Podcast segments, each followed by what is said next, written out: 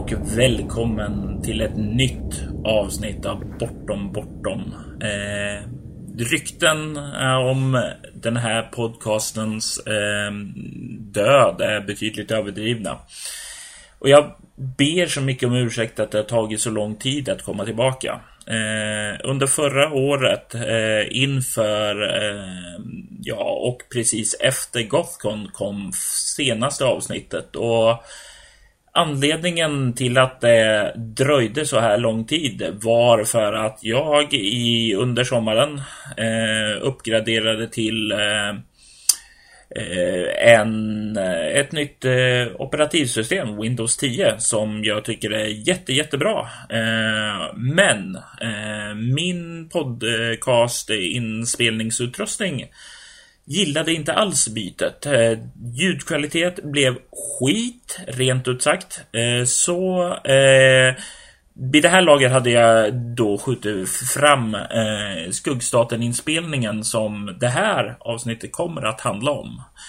Eh, framför mig. Eh, och det var i efterhand dumt. Eh, men Eh, det blev som så att jag försökte lösa det här inspelningskvaliteten eh, men kunde inte riktigt få det att fungera. Så jag bestämde mig för att eh, skaffa en riktig mikrofon och sagt och gjort. Eh, jag inskaffade en Blue Yeti som jag sitter och talar i nu. Så jag har löst ljudkvaliteten eh, som ni säkerligen förhoppningsvis hör.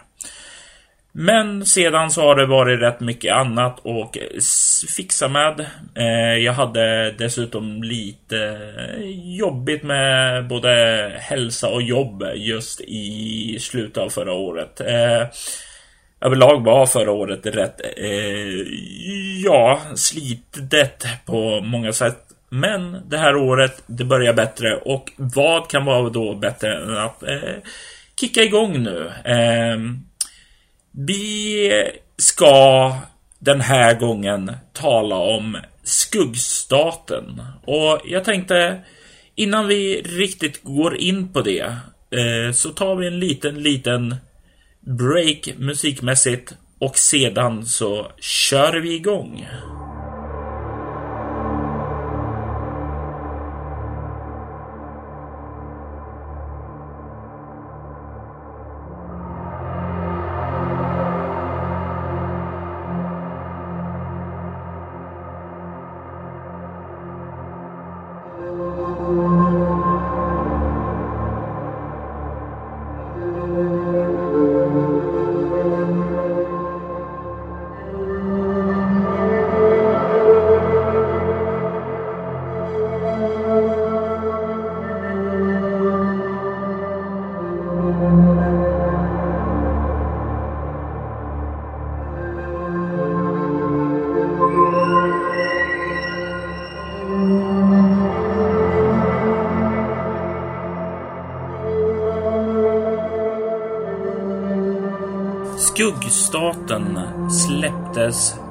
2015 eh, vid påsk, lagom till Gothcon såklart.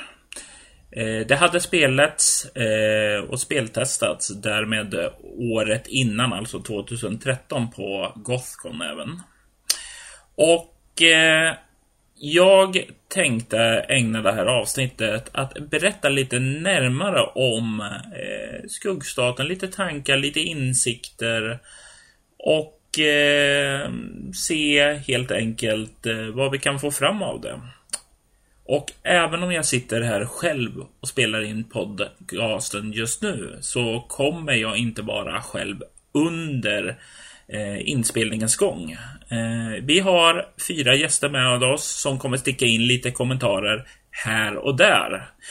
Dessa fyra gäster är eh, John A Jonsson, eh, Kristoffer Hagström, Kalle Odnoff och Mikael Bergström. Och det här är personer som alla har medverkat i någon form av avsnitt tidigare. Så ni kanske har hört om tidigare. Så, eh, vad är då Skuggstaten? Eh, det är en eh, bok som eh, är en berättelse i tre akter. Den utspelar sig år 2050 och den ligger alltså mitt emellan Bortom lögnens slöja och Leviathan.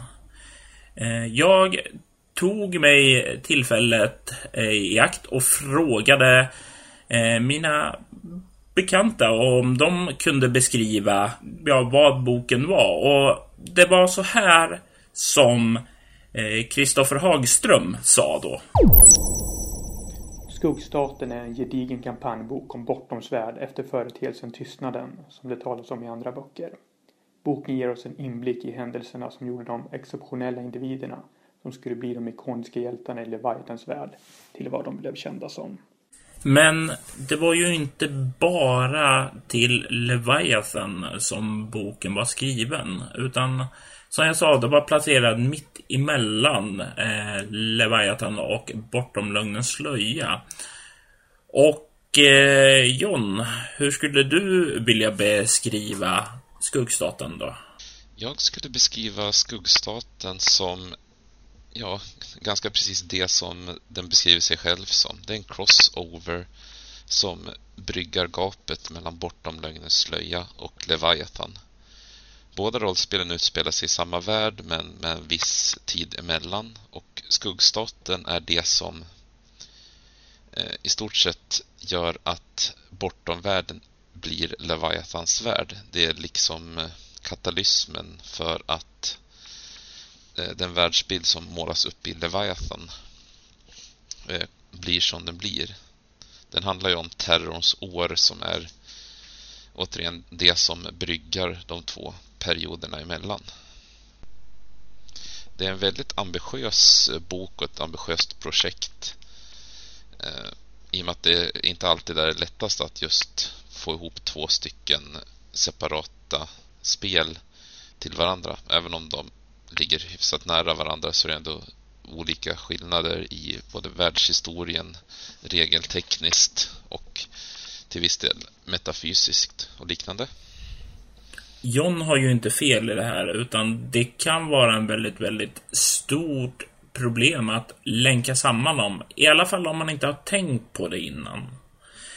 Lyckligtvis var det när jag väl började skriva på Bortom första gången så kom jag ifrån en eh, plats där jag hade skrivit väldigt, väldigt mycket fantasy.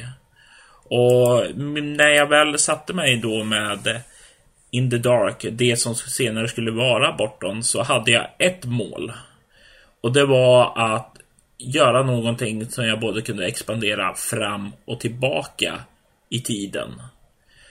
Och det här är någonting som gjorde det mycket, mycket enklare för skuggstaten att faktiskt existera. Att väva samman eh, två olika rollspel. Och någon annan som anmärkte på just det här, eh, det var eh, Mikael Bergström. Ja, framför allt så är det ju ett väldigt ambitiöst verk. Och jag skulle vilja se mer av samma vara. Robert har ju tidigare skrivit skräckspelet Bortom och sci-fi-spelet Leviathan. Eller Leviathan. Och eh, tanken är ju att deras tidslinjer ska höra ihop. Skuggstaten låter ju spelarna uppleva delar av det som ligger mellan de här två spelen. Jag gillar det här greppet. Den enda andra rollspelsprodukt jag läst som gjort någonting liknande är nog White Wolves eh, Trinity-spel. Eh, det här gör ju att spelarna faktiskt kan ges egna direkta erfarenheter istället för att behöva läsa på en massa historik om de ska spela Leviathan. Uh, rollspel är ju ett upplevelsemedium, så jag tycker att det här är en, en, riktigt, riktigt spännande idé. Det enda jag skulle önska mig är en uh, fortsättning, uh, kanske en prequel. Jag skulle älska möjligheten att kampanja hela vägen från bortom till Leviathan. Givetvis med, med byten av rollpersoner emellanåt. Eh, kanske skulle det låta sig göras med, med mindre nedslag här och var längs tidslinjen, men eh, Allra helst skulle jag nog vilja se en kontinuitet. Boken får mig att vilja läsa in mig mer på, på både Bortom och Leviathan. Så ja, jag antar att eh, boken gör sitt jobb. Tack för de orden Mikael och framförallt så vill jag säga tack så mycket för att du sätter idéer i mitt huvud. Eh, när jag fick in den här kommentaren från eh, Mikael och så började genast min huvud sätta igång hur man skulle kunna konstruera en eh, berättelse som utspelar sig varje år tionde fram till och med Leviathan. Som om inte jag hade nog med saker att skriva redan. Eh, så tack. Men han sätter fingret på en väldigt, väldigt viktig sak som jag... Jag får inte säga... Jag, jag, kan inte ta cred för den, för det var inte så medvetet eh, när jag satte mig ner och eh, började skriva på skuggstaten. Eh, som sagt var, skuggstaten eh, var, eh, utspelar sig mitt emellan och ursprungsidén till det här eh, kommer tillbaka till något jag talar mycket i förord och liknande. Att eh, för många år sedan då var jag med i ett e-postspel, ett så kallat SIM som Ja, det utspelar sig i en eh, fanfiction-universum till eh, tv-serien Sequest. Och eh, det var det som mycket la grunden till Leviathan och Maharerna och liknande. Men det fanns delar av det här, den här berättelsen som eh, inte passar in i Leviathans nutid utan det utspelar sig innan. Och eh, många eh, saker eh, som etableras i skuggstaten härstammar tillbaka till det här. Eh, vi tar eh, kapten eh, Hawthorne eh, själv då så var eh, det en karaktär i spelet som jag skrev. Eh, och eh, samma med Jodie Chens eh, som vi kommer att tala lite närmare om senare. Eh, hennes roll i berättelsen var också eh, någonting som ärvs där. Och flera personer som eh, Catherine Wagner och eh, Remy Velnor eh, var karaktärer som togs direkt av eh, från det här eposspelet. Och eh, det fanns mycket, mycket i stoff som la till grund för skuggstaten där.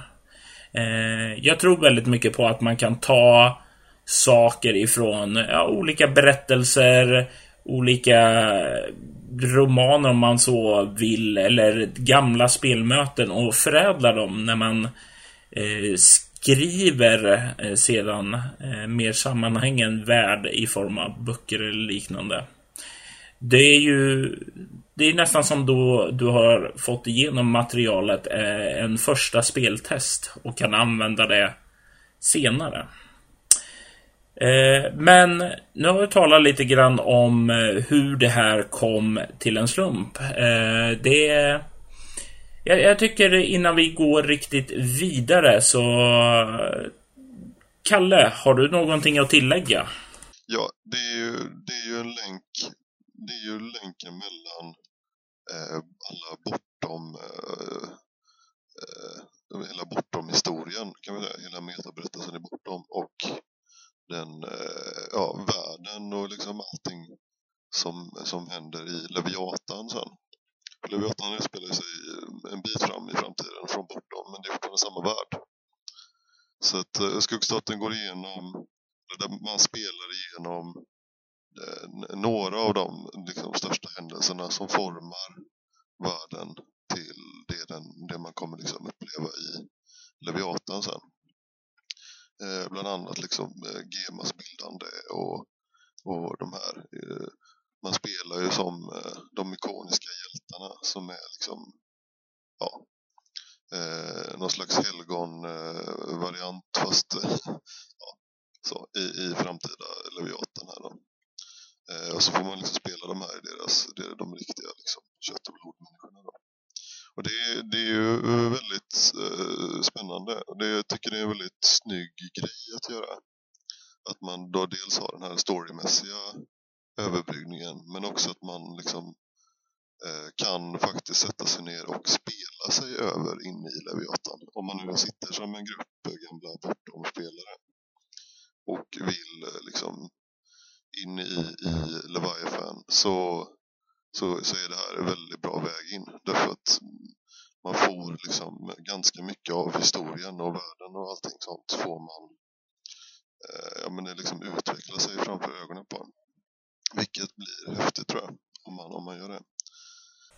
Det verkar vara fler än eh, Mikael Bergström som eh, verkligen har sett den här potentialen att spela sig in i eh, från bortom till Leviathan. Och det är lustigt för det är definitivt inte så jag tänkte det utan det är en bonus och ibland uppstår eh, saker och ting som man inte verkligen, verkligen tänker. Eh, men Kalle är en person som har varit med mig väldigt, väldigt länge. Han var med redan på In the Dark-tiden och eh, kom, började komma med feedback och han har skrivit en del eh, vad ska man säga, en del textstycken och så och bidragit till Bortom eh, redan på tiden då det var In the Dark och det kändes naturligt att eh, när jag gjorde Leviathan så ville jag göra det lite grann med någon. Och då blev det Kalle som eh, jag eh, vände mig till. Han har alltid varit väldigt, väldigt duktig att skriva feedback. Han har gett konkreta förslag, konstruktiva förslag. Och eh, har alltid haft eh, kloka åsikter. Eh, när jag sätter mig sedan och eh, började skriva på Leviathan så Ja, det, det var definitivt mer av den varan. Eh, och han satte sin prägel på Leviathan också genom att få in andra kulturer och få bort eh, lite grann av det ja, amerikanska fokus som jag lätt hänfaller till. Men Kalle går också in på någonting som rör eh, bokens struktur och han säger nämligen att det sker några nedslag eh, i viktiga händelser. Och jag tänkte att vi skulle ta lite grann om hur bokens struktur är uppdelad.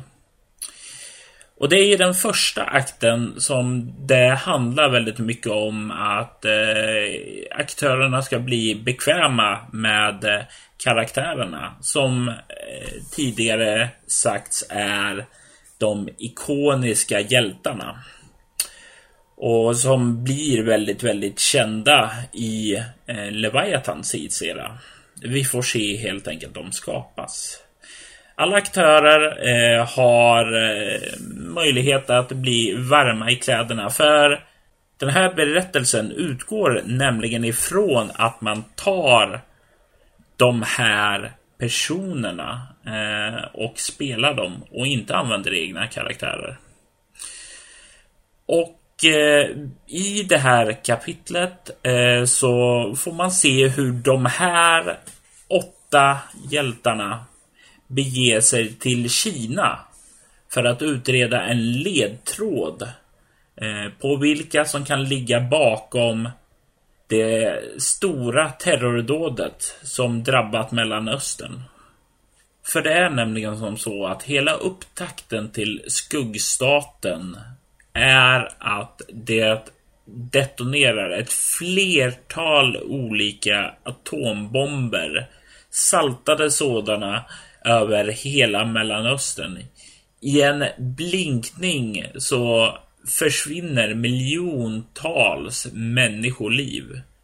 Det är en sådan otänkbar katastrof. Äh, även i en värld som blir allt mörkare och mörkare om jag får säga det själv. Eh, så det, det, är definitivt en eh, tid som är väldigt turbulent och väldigt orolig. Och eh, i takt med att karaktärerna utreder det här så pågår eh, saker och ting i bakgrunden. Så medans karaktärerna nystar i mysterium vilka som ligger bakom eh, så kommer nyhetsrapporteringen att flöda och spekulera och eh, fler incidenter sker som inte karaktärerna blir direkt involverade i. Och det är just de här många mindre händelserna som inte direkt står i centrum för de här nedslagen då. Men eh, jag kände ändå att jag vill få in det. Jag vill få in fler saker än vad man kan beskriva rätt ut i större scenarion. Så hur kan jag då inkludera det? Det första tanken var bara att inkludera ett par olika speldokument, typ tidningsartiklar eller liknande. Eh, tanken fanns där redan innan eh, vad heter det, själva boken eh, skulle publiceras utan att det skulle vara en del till själva konvents eh, berättelsen. Men eh, jag hann inte göra det då. Och eh, sedan så kände jag att när jag satt med boken att men vänta nu. Jag, jag vill kanske expandera det här, ge mer stöd för berättelser. Så att det som vill spela en lång kampanj med karaktärerna ska kunna göra det. Och det var så interludiumen skapas. Det finns två interludium. Och eh, dessa är eh, några, vad ska man säga, att det beskriver några viktiga händelser eh, under en, eh, ja, eh, vad ska man säga, under mellan själva akterna. Eh, och det kan eh, beskriva, som sagt var, den upptrappade massmedierapporten. Och det innehåller ett flertal berättelsefrön som visar på ja, vad som pågår och hur berättaren kan använda dem för att spinna vidare på, på nya olika Ja, eh, händelser helt enkelt. Det ser jag som små eh, platser där man kan bygga vidare sina egna berättelser ifrån. Och i det första interludiet mellan akt 1 och 2 så har vi till exempel sex olika rubriker.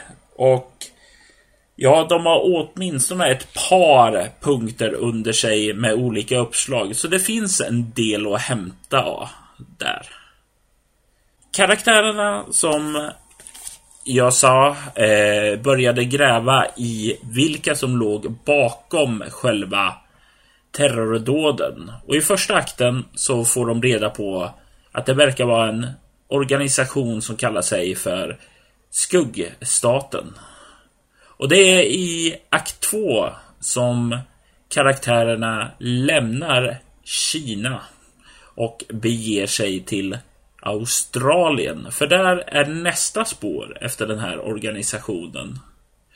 Och jag ville eh, ta och skildra lite mer eh, global eh, stämning. Att det inte bara var fokuserat på en plats utan det var verkligen så att du reste världen över. För att visa på hur vitt spänd konspirationen eh, som skuggstaten låg bakom eh, var. Och jag ville också ta i akt och placera äventyr där jag inte själv hade tidigare placerat några. Och eh, Kina och nu Australien var sådana platser. Och jag försöker också visa upp olika ja, på dem på ett rättvist sätt helt enkelt. Och i synnerhet i miljön Kina så pratar jag med Ola Jentsch. Eh, förlåt om jag slaktar ditt namn Ola. Ymir på rollspel.nu för att få väldigt mycket feedback från honom som hade rest och levt en hel del i Kina. Eh, jag gjorde inte riktigt lika mycket eh, efterforskningar på Australien.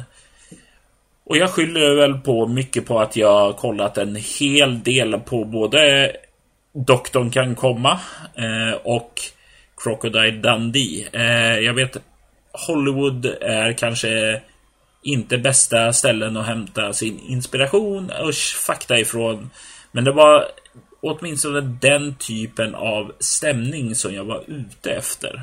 I den här akten så handlar det ju givetvis om att få tag i mer information om skuggstaten och leda den fram emot att kunna stoppa den. Eh, saker och ting går inte riktigt som eh, det ska. Lojaliteter pressas och det finns en hel del eh, personliga upp och nedgångar i den här akten. Och mycket i en mellanakt är ju att du vill visa känslor, mörker och eh, även eh, lite ångest och tragedi. Och det var det som jag också försökte väva in i den här berättelsen. Det finns också ett par kopplingar här för den som gillar bortom. Och eh, ja, det finns en hel del saker här att eh, uppleva, även om det till skillnad från första akten är lite mer lokaliserat till en plats. Och efter att karaktärerna mer eller mindre överlevt akt 2 så har de lyckats få tag i lite mer information eh, om skuggstaten. Men fortfarande inte riktigt tillräckligt för att få ned organisationen utan de tar med sig informationen till sin eh, uppdragsgivare för att bearbeta vidare. Och eh, det är här nästa interludium tar rum. Det finns ytterligare sju rubriker med många olika berättelsefrön som man kan utveckla egna berättelser omkring. Även om inte man verkligen spelar ut alla de här så är det saker som man kan ta upp och diskutera lite mellan spelmötena så att man får en känsla av att ja, men det sker faktiskt saker runt om i världen. Så även om man inte spelar det så är det saker som de ikoniska hjältarna kan tänkas vara med om och uppleva. Det är också ett sätt att visa att världen inte står stilla och väntar på att karaktärerna gör sina ingripanden. Jag eh, skulle vilja säga att eh, den tredje akten som är upplösningen på hela dramat eh, är väl den som är mest amerikaniserad. Eh, inte för att den utspelar sig i Amerika utan den utspelar sig i Storbritannien, närmare bestämt England. Och eh, tar eh, rum på London. och det är allt från eh, maskeradbalar till eh, hemliga eh, fängelsestationer under polarisen så att säga. Ja, fast inte i England då, utan på andra ställen. Eh, det är många varierande eh, miljöer här, men det kändes tryggt att få återvända till England och ännu tryggare faktiskt återvända till staden Ruston Crew eh, som, ut, eh, ja, som var centrum för berättelsen Anakronismer till bortom. Eh, det finns fler kopplingar till just den boken här av förklarliga skäl. Eh, men ja, Eh, det är väl kanske överlag att akt 3 har mest bortomkopplingar när man summerar det. Men jag ska inte gå och spoila exakt vad de är just nu, utan närmare slutet kanske jag tar upp lite mer om kopplingarna till bortom. Men det är akt 3 som allt bygger upp mot sin klimax. Karaktärerna får reda på var skuggstaten är och bestämmer sig för att konfrontera dem. Och enligt Leviathan tidräkning så vet vi ju alla vad som händer med dem. De ikoniska hjältarna offrar sina liv för att stoppa ondskan. Eller är det verkligen så? Kan det vara att det sker andra saker som inte eh, riktigt, riktigt passar in i Gemas propaganda? Ja, det är sådana eh, saker som får sitt svar efter att man spelar klart Skuggstaten. Men det blir en storslagen, storslagen berättelse eh, och ett värdigt avslut tycker jag på själva Skuggstaten. Ja, jag, jag, blev nöjd med hur jag lyckades få ihop det. Eh, men om vi vänder oss till, ja vi kan börja med dig Kalle. Hur skulle du säga att allting sys ihop? Vad är det för typ av berättelse tycker du? Det är ju ett, det är ett väldigt episkt äventyr där. Det är ju stora händelser. Det är eh, stora personligheter. Eh, det utspelar sig över ganska lång tid. Det är också, jag tror att det kan bli en, om man, man kan fylla ut det och liksom göra mycket mer av det. Det finns plats att stoppa in eget också. Som gör att det kan bli en ganska, ganska stor kampanj tror jag. Alltså så, om man är sugen på att sätta sig ner och och köra en riktig sån eh, långkörarkampanj med där liksom det ja, det är ju den verkliga, eller det är ju liksom våran värld fast lite framåt tiden och så liksom ser man hur eh, ja men saker och ting eh, utvecklas. Eller det, det är stora händelser. Det är rätt häftigt så tycker jag. Jag tycker det är ja nej men jag lockas av det. Jag tycker det är roligt. Så att, eh, ja. Det, på det sättet så tycker jag att det är ett väldigt spännande äventyr. Och eh, ja, nu har vi talat en hel del om själva innehållet och handlingen utan att eh, för den skull gå in alltför djupt på vad som faktiskt händer där. Vi vill ju trots allt hålla er som lyssnar lite spoilerfria Eh, på själva detaljerna. Eh, men innan vi går vidare till eh, lite andra saker inom skuggstaten så eh, Eh, du hade någonting som du ville eh, säga om eh, boken, Kristoffer. Du hade någon summering, eller hur var det? Boken etablerar inslag i Leviathans värld såsom baser, skepp, havsfokus, de ikoniska hjältarna med mera på smidiga sätt och också de regelskillnader som finns mellan Bortom lögnens slöja och Leviathan, exempelvis färdighetsjämförelser och konfliktregler. Förklaringen om skillnaden mellan bortom och regelsystem och konverteringsreglerna är gedigen. Det finns flera goda exempel på konflikter och hot i kampanjen. Det är inte lätta situationer som aktörerna och karaktärerna får att hantera, vilket är något som vi kan vänta oss av Roberts produkter. Jag gillar friheten som får oss i att fokusera på kampanjens tre akter men att också kunna ta in flera intressanta sidoäventyr genom interludiums. Jag blir också inspirerad att spela detta med andra karaktärer än de ikoniska hjältarna. De kunde ju inte vara med på alla intressanta händelser under terrorns år. Jag blev även inspirerad att spelleda något om Skuggstarts infiltration inför terrorns år. Kanske gestaltar aktörerna själva medlemmar av denna organisation. Aktörs och berättarpersoner i kampanjen är generellt väldigt intressanta. Många är förhållandevis unga och mycket kapabla individer.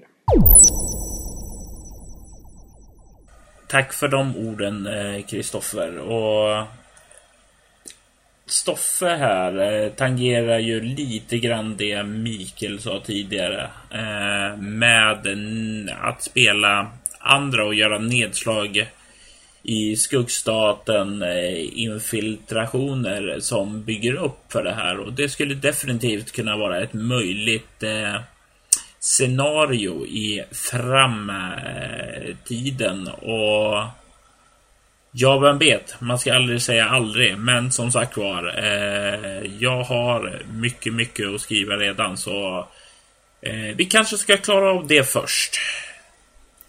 Eh, jag tänkte också att vi kunde ta lite tid i anspråk och eh, beskriva boken i sig. Eh, hur skulle du eh, vilja beskriva boken John? Och eh, finns det någonting som du känner skulle kunna göras bättre? Mitt intryck av boken är att överlag positivt. Den matchar väldigt mycket Leviathans grundbok med uppbyggnaden med eh, typsnitt, eh, layout, disponering, Eh, bland annat med de här svarta rutorna som bidrar med information till spelledaren och de helsvarta sidorna med vit text. Boken är ju på drygt 100 sidor och eh, tryckt i print on demand via Publit. Det matchar och passar in väldigt bra i Leviathans produktserie skulle jag säga. Texten är tydlig. Det är lättläst. Det jag skulle vilja säga som jag personligen hade gjort annorlunda, det är ingen form av kritik utan det är mer hur jag hade ändrat det. Är det någonting som är genomgående med Leviathan att det är väldigt lite bilder. Det är väldigt mycket text, väldigt lite bilder. Vilket gör att ibland blir det lite överväldigande att det bara är text på text på text och väldigt lite som bryter av. De bilder som finns med är väldigt bra men är till större delen bara porträtt. Och ja, det, det är ju inget fel med det. Föredrar man det så är det det som finns är väldigt, väldigt bra. John har en poäng i att det är få bilder och det här är någonting som eh, ja, går ända tillbaka till Bortom. Bortom har eh, betydligt fler illustrationer. Det är en lite mer serietidningsstuk över det och eh, jag ville ha en annan stil när jag började med Leviathan. Jag ville ha några lite lyxigare bilder. Och eh, jag eh, fick tag i en eh, illustratör som började göra illustrationer. Det var i svartvitt då, inte i färg. Utan, och det skulle vara lite grann som i Bortom då, en halvsida stuk och inte helsida på illustrationerna. Nu visade det sig att illustratören egentligen inte var en illustratör utan var mer en collageartist som hämtade många olika småbitar av eh, andras teckningar och sen fogade ihop dem och gjorde lite eget stuk på dem. Och det här var inte riktigt vad jag ville och jag slösade bort en del av illustratörsbudgeten på det här som jag skulle få tillbaka men aldrig såg röken av. Eh, och då tänkte jag, fuck it. Eh, det här var inte särskilt skoj. Jag vill... Eh, ah, nej, men jag, jag, då, då kör jag på få bilder och sen så kör jag i färg för att ge dem lite lyxigare stämning. Och i Bortom så innebär... I Bortom, nu talar jag i nattmössan. I Leviathan så innebär det att varje kapitel inleds eh, med en helsides färgillustration. Och sen så bryter jag upp det med de här svarta textrutorna eh, med grafiska element och liknande för att eh, bryta upp texten lite. När jag gjorde skuggstaten eh, så hade jag då inte ekonomi nog att skaffa massor med bilder utan det blev att man fick skära ner det till två istället för egentligen tre som jag borde haft. Och det gör rätt så stor skillnad. Eh, de andra illustrationerna, karaktärsporträtten som John nämner. Det finns ett antal sådana och de är ju svartvitt och föreställer främst de ikoniska hjältarna. Men eh, det kunde definitivt ha varit ja, e-, en färgbild till hade gjort mer för det hela. Det kan jag hålla med om. Eh, men ibland så har man inte ekonomin till det. Eller jag hade i alla fall inte det. Eh, så det är tyvärr en begränsning som jag har. Eh, Och i kommande boken Polaris eh, så har jag bara två helsidesillustrationer då. Men jag har försökt bryta upp det med fler tabeller, kartor och liknande. Eh, för att eh, det ska bli lite luftigare och lättare att läsa. Och vi får hoppas att du tycker om det John då. Du då Kalle, har du någonting du vill eh, tillägga på just bokens utformning? Den är eh, väldigt snygg.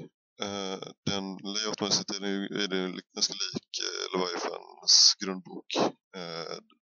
Inuti mycket svartvit. Men det, det jag tycker det är snyggt. Jag tycker det funkar väldigt väl. Det är de bilder som är ju mest karaktärsporträtt och sen är det ett par riktigt snygga helbilder i färg. Bland annat på Darcy och lite sådär. Jag kanske inte ska spoila det i och för sig. Men eh, ja, framsidan är ju helt underbar tycker jag. Det är en stor jävla kärnvapenexplosion. det är så, gets right to the fucking point. Det är, ja, jag, jag gillar framsidan väldigt mycket. Den, är, den, den säger mycket om äventyret också på något sätt. Jag kan bara nicka instämmande i de positiva orden som eh, Kalle eh, nämner om framsidan. Eh, jag älskar verkligen den enkla stil som Reine Rosenberg har eh, tagit och verkligen fångat den eh, känsla och stämning som eh, ryker fullkomligt pyr och yr i stämningen, i atmosfären omkring eh, Lori och hennes mor Kelly Hawthorne. För det är de som står i centrum för berättelsen och det är de som syns på omslaget. Um, ja, uh, vad säger du Mikael? Har du någonting som du vill eh, eh, kritisera eller ta upp angående bokens utformning? Den har snygg layout, snygga illustrationer. Den har en helt okej okay struktur. Dess stora problem är samma som de flesta rollspelsprodukter, bristande korr och redigering. Stora textsjok borde ha klippts bort och eh, det är många gånger styltiga upprepande och svängelska språket hade gärna fått köras ett par, tre gånger extra genom mangeln. Um, Robert har åtminstone blivit bättre på att skriva stämningstexter sedan jag ursprungligen recenserade bort dem. Alltid något.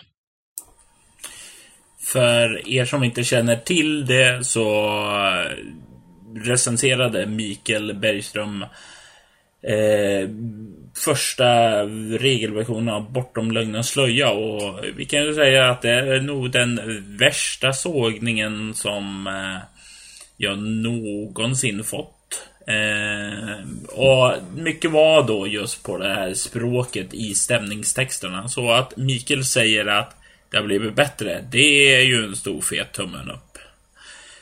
Men om vi ska beröra den stora elefanten i rummet, språket. Ja, eh, han har helt klart en poäng. Och eh, Skuggstaten var producerad i en kontext att det blev stressigt för att hinna till Gotcon. Och eh, jag hade inte riktigt eh, tillräckligt med korrekturläsare som kunde ta hand och eh, köra hela lasset ett par gånger genom mal, malugnen eller vad man ska säga. Mangen, det var det ordet jag letade efter. Bra Robert. Eh, och så här i efterhand så tror jag att det hade varit bättre att ta ett halvår till med det och putsa till språket och inte stressa. Och då tror jag definitivt att det skulle ha blivit fått bättre betyg i eh, recensionerna. Eh, även om jag eh, vill säga att både Podcons recension och Fenix recension var i min mening väldigt, väldigt positiva. Jag kommer lämna en länk till Podcons recension här och tyvärr inte till Fenix eftersom de inte har den upplagd på nätet. Men eh, ni får ta mig på mitt ord helt enkelt. Eller söka på bortom.nu efter några strofer ifrån själva recensionen.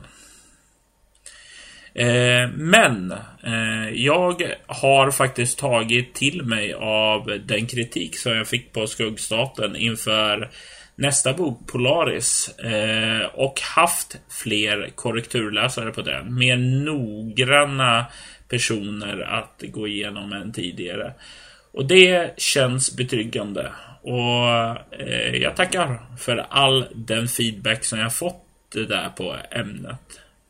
Jag tycker vi tar en liten, liten eh, musikpaus innan vi fortsätter helt enkelt.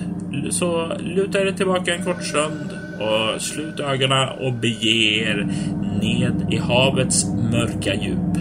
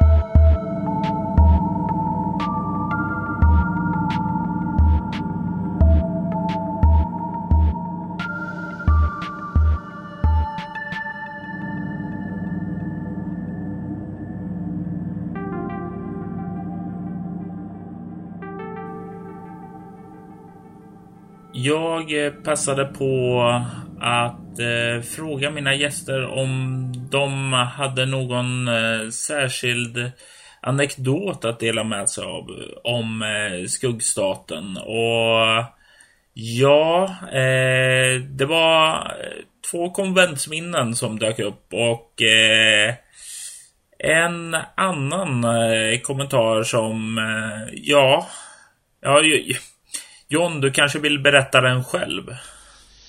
Det minne jag har från Skuggstaten är samma minne som beskrivs i förtexten.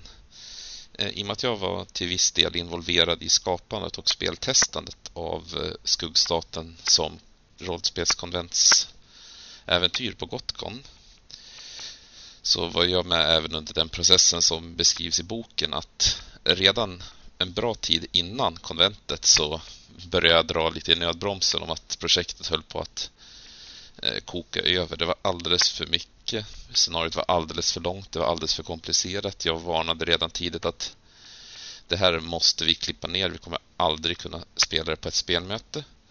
Men Robert var helt övertygad om att så var inte fallet, utan han ville bara ha... Han ville att hans vision skulle gå igenom till fullo.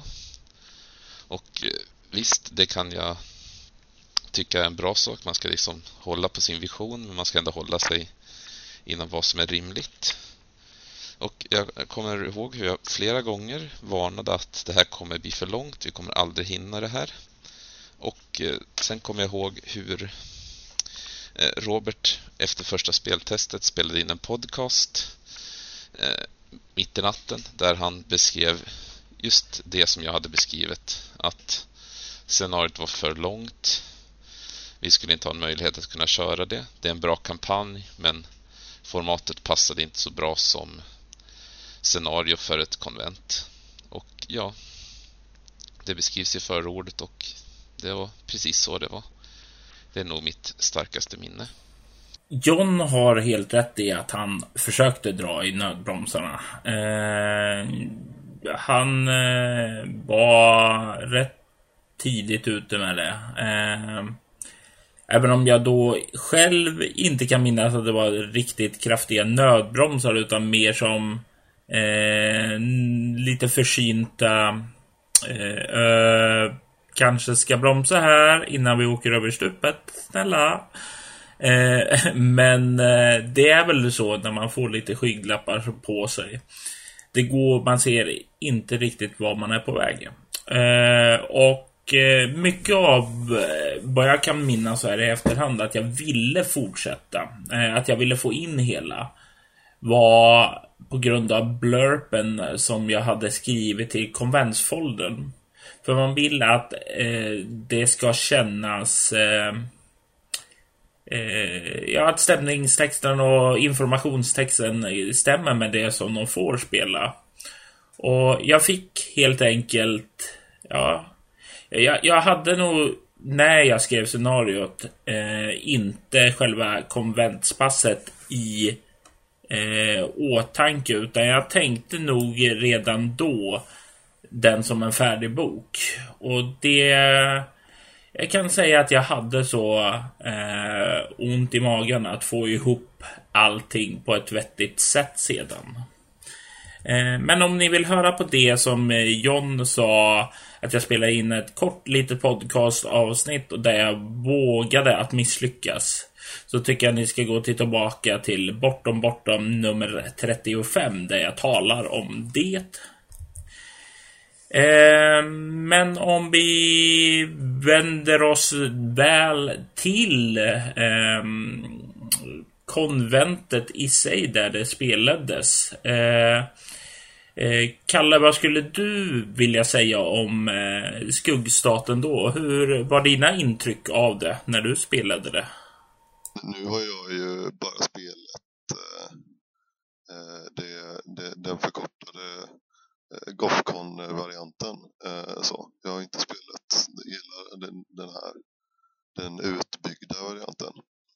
Men i, i Gothcon-varianten så var det ju väldigt actionbetonat för det var så himla mycket som skulle klämmas in. Kommer jag ihåg. Eh, det var, det var, det var ett väldigt roligt äventyr att spela där för det var det hände mycket, det gick snabbt, det var mycket action och det funkade väldigt bra. Det var ändå ganska, ganska varierat äventyr. Eh, och det, ändå, det kändes som att det drevs framåt av karaktärerna väldigt på ett snyggt sätt. Samtidigt som det var ganska eh, spårbundet och, och liksom det var mycket, eh, ja så. Men det, det, jag tyckte det var snyggt. Eh, och väldigt roligt att spela. Eh, men det här är ju, ja, det, den, den nuvarande varianten är ju lite mer utbyggd och jag tänker att nu kanske man kan faktiskt ta sig tid eh, och slå ner lite på alla saker. När, när jag spelade på Gothcon kommer jag ihåg att då, då fick man liksom eh, ja, eh, gå över vissa saker ganska snabbt eh, och liksom spola lite, klippa lite eh, och vara lite hård och liksom så här, för att det var så himla mycket som skulle hinnas med. Och det gjorde ju att det blev väldigt, väldigt eh, actionstint i, i fem timmar liksom. Eh, och jag kan tänka mig att Eh, det också, det blir liksom, det blir ett lite annat äventyr när man har tid att, att eh, låta saker och ting spela ut sig och man inte behöver stressa. Eh, men jag tror att det funkar väldigt bra också faktiskt. Det, ja, det tror jag. Det är ju ett häftigt äventyr på sätt att det, det är mycket liksom detektivarbete och det är mycket utforskning och så. Samtidigt som det är mycket många små liksom actionscener insprängda också och mycket ja, men det finns mycket spännande utrymme för karaktärsdrama med. Så att eh, och lite beroende på vad man är för spelgrupp och vad man har för spelstil så kan jag tänka mig att det, det funkar ganska bra på alla möjliga sätt här. Eh, och jag tror att särskilt om man gillar att, att blanda liksom olika genrer i sin spelstil och att man gillar karaktärsdrivet spel så tror jag det kommer funka riktigt bra. Och du då Mikael, du spelade ju det scenariot på Gotcon. Vad skulle du säga att du minns ifrån eh, ditt pass med eh, Skuggstaten? Eh, ja, jag spelade ju med Robert som spelledare. Jag minns att eh, äventyret, eller scenariot, kändes precis lagom öppet, samtidigt tydligt. Det fanns en röd tråd. Nästa steg var alltid tydligt. Men samtidigt så kändes det som att vi fick ganska stora möjligheter att planera och, och lösa varje steg själva. Ehm, precis så där som jag föredrar mitt rollspelande alltså. Lagom fria händer, öppna problem som är ihopknutna av en röd tråd. Jag minns att vi spenderade väldigt mycket mer tid än vad Robert verkar ha tänkt sig med att planera inför kidnappningen av en viss person. Uh, vi var ju en spelgrupp som gillade att planera. Det är gemensamt för både mina gamla spelgrupper och, och mina nyare. Och scenariot var redan eh, extremt tidsoptimistiskt eh, om tanken var att klara av det på ett konvent. Men vi hade roligt. Eh, upplevelsen var genomgående positiv. Eh, och jag har sett fram emot att eh, se den färdiga produkten för att se liksom, allt det där vi missade genom att ta för lång tid på oss. Det är lustigt att eh, höra både Kalles och Mikels eh, beskrivningar om själva konventscenariot. Och, eh, det, det, det, var ju också liknande feedback som jag fick in ifrån övriga spelgrupper, nämligen att de tyckte om det. Eh, att det fungerade och de märkte inte alls eh, all den vånda som jag kände eh, för att få det att fungera på själva konventet. Val, jag valde mycket då att använda i stort sett akt 1 rakt av och sedan göra en överbeskrivande klippning till sista scenen i akt 3. Så det är rätt mycket som har hunnit försvinna där. Men eh, det är fortfarande eh, förvånansvärt bra det fungerade på själva Gothcon. Men som sagt var, nu i sin helhet så är det så som jag nog egentligen hade tänkt det från början. Extremt tidsoptimistiskt, som sagt var. Ehm, Ja, vad som vi har kvar nu som jag vill diskutera är nämligen lite kopplingar mellan Bortom och Leviathan. Och det går in ganska tungt på eh, spoiler-territorium. Så om det som om det är som så att ni kanske tänker att spela det eller eh, eh, liknande så säger jag att ni bör hoppa över resten av eh, podcasten. Och i sånt fall så säger jag Hades till er nu. Ni andra kan ju fortsätta att lyssna. Mikael, du som inte är så inläst på Bortnom. Kunde du se eller ana någonting eh, som kopplade samman de två världarna med varandra? Ja, jag förstår ju att det finns kopplingar. Men jag är tyvärr inte tillräckligt inläst för att kunna riktigt uttala mig. Det gör inte så mycket Mikael. Jag anade nästan det. Men vi får väl se när du har läst in dig mer efter att du har lockats till det av den här boken. Om du känner igen det i framtiden. Du då John, eh, vad tycker du dig se för eh, kopplingar mellan Bortom och Leviathan John? Ja, i och med att det är en bok som beskriv, som bryggar båda rollspelen så är det ju ofrånkomligt att man har blinkningar och hänvisningar till andra saker. Det mest uppenbara för mig är ju karaktärerna Mark Blade och Delilah Rose som jag skapade till scenariot Blod och pussel men det finns även George Chase som har figurerat i väldigt mycket Bortom och eh, även innan Bortoms tid. Eh, sen finns ju även referensen till Caroline Haag som var med i Det lyriska blodet. John sätter fingret mycket på vad jag gör för kopplingar. Eh, det är väldigt, väldigt mycket personer som bryggar mellan det.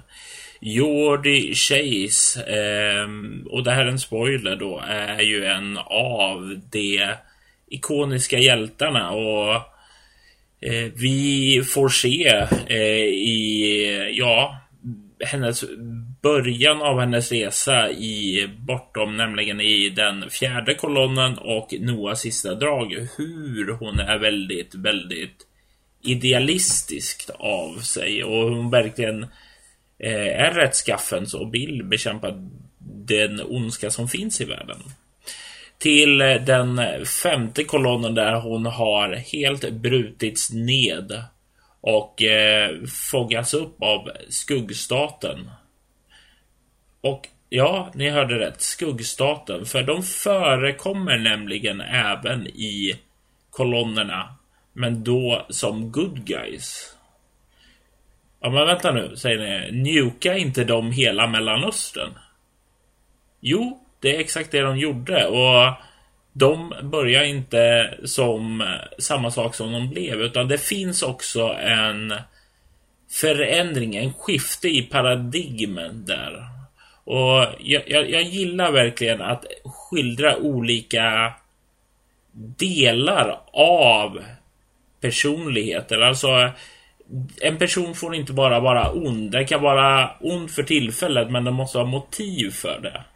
Och det här, de behöver inte vara statiska heller, utan de får gärna vara dynamiska och förändras med tiden. Det är då jag tycker de blir intressanta. Och jag, jag tycker det är intressanta att följa deras resor. Och det är det som är så fascinerande för mig då, att kunna skildra dem över ja, två tidseror. Eh, och det, det är definitivt en koppling som jag ville göra. Eh, men det är inte bara som så eh, att det är personer. Eh, men om jag frågar dig, Kristoffer, kan du dra dig till minnes några kopplingar? Det finns många beröringspunkter till eh, andra bortom och Leviathan-böcker. Det här är en värld efter tystnaden som det talas om i bland annat kolonnerna och det lyriska blodet där mycket av det övernaturliga har försvunnit från världen.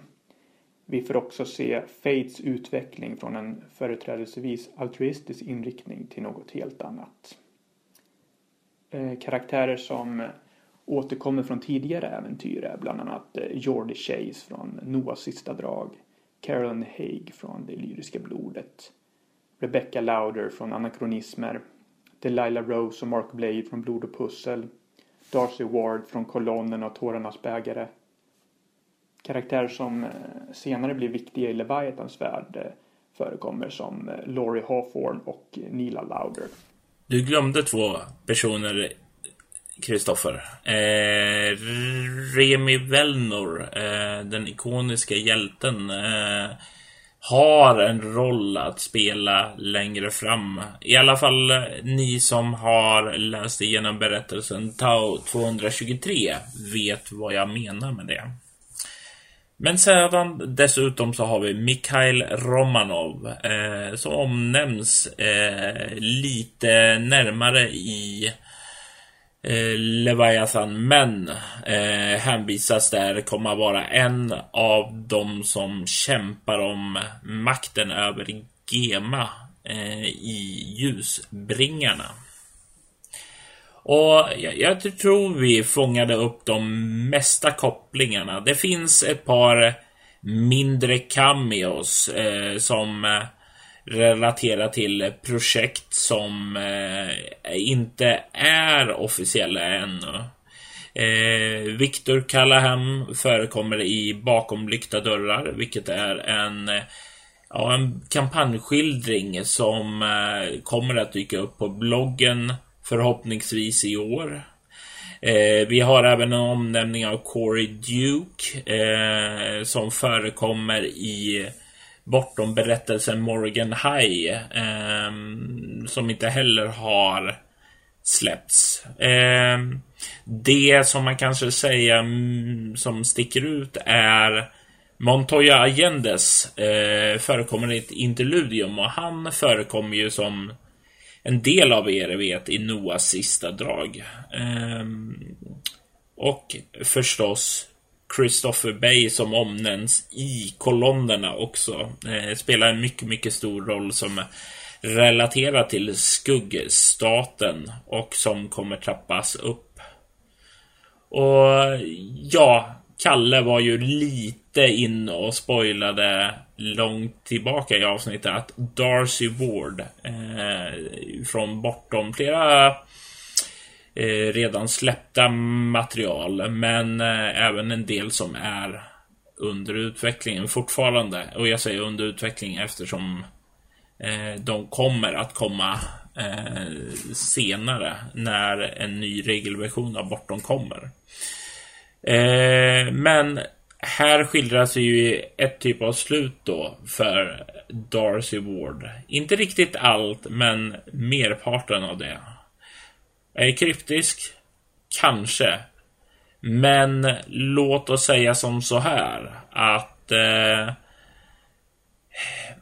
det, det förekommer en medaljong i berättelsen Tau 223 som har någonting med Darcy att göra, eller rättare sagt eh, av hennes livskraft att göra. Men eh, det kommer att dyka upp mer om det i senare berättelser. Jag tror annars vi har berört de flesta uppenbara kopplingar där i alla fall. Eh, och jag vill ta tillfället i akt och eh, säga, säga tack för att ni har orkat lyssna ända hit på vad jag har haft att svamla om. Eh, jag hoppas att ni har fått lite insikt i hur eh, jag har tänkt när jag har skrivit vissa saker och varför jag gjort sådana val som jag gjort. Eh, jag kommer nu förhoppningsvis ganska snabbt efter Gothcon komma ut med en ny podd. Troligtvis gästas jag då eh, av Kristoffer eh, Hagström, eh, för vi har en del att tala av oss av. Och ja, vad ska jag mer säga? Eh, ni kan prenumerera på eh, den här podcasten på iTunes. Ni kan följa oss via RSS. Ni kan skriva en recension på iTunes. Ni kan kommentera på avsnitten på info at bortom.nu. Skriva en kommentar på bloggen eller på um, Twitter så kan ni nå mig på at spela bortom. Och detsamma gäller eh, ja, på de flesta andra ställen som Facebook till exempel. Och med det så tackar jag för mig den här gången och hoppas verkligen inte att det dröjer så här länge till nästa gång. Tills dess så säger jag Hades.